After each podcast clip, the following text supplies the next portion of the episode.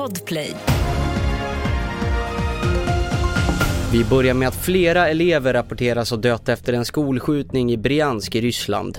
Enligt ryska medier misstänks en 14-årig flicka ligga bakom dådet. Hon ska ha tagit med sig sin pappas gevär till skolan för att hämnas på pojkar som mobbade henne. Flickan uppges själv finnas bland de döda. Ett barn har blivit påkört i en trafikolycka i Månsarp i Jönköping. Strax före klockan åtta larmades polisen till en trafikolycka med en påkörd person.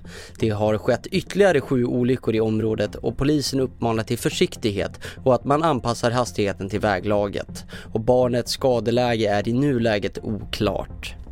Det tidiga vintervädret har kickat igång en bra skidsäsong, även i södra Sverige. Jag ser upp norra Sverige. Här kommer lite sydlig konkurrens.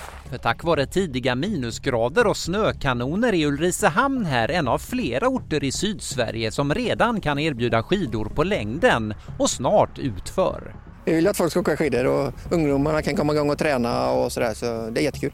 Sist hörde vi Fredrik Poratt på Skibike Hike i Ulricehamn och reporter var Johan Håkansson.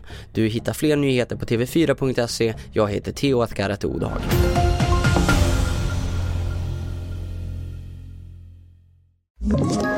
Ett poddtips från Podplay. I podden Något Kaiko garanterar östgötarna Brutti och jag, Davva, dig en stor dos skratt. Där följer jag pladask för köttätandet igen. Man är lite som en jävla vampyr. Man har fått lite blodsmak och då måste man ha mer. Udda spaningar, fängslande anekdoter och en och annan arg rant.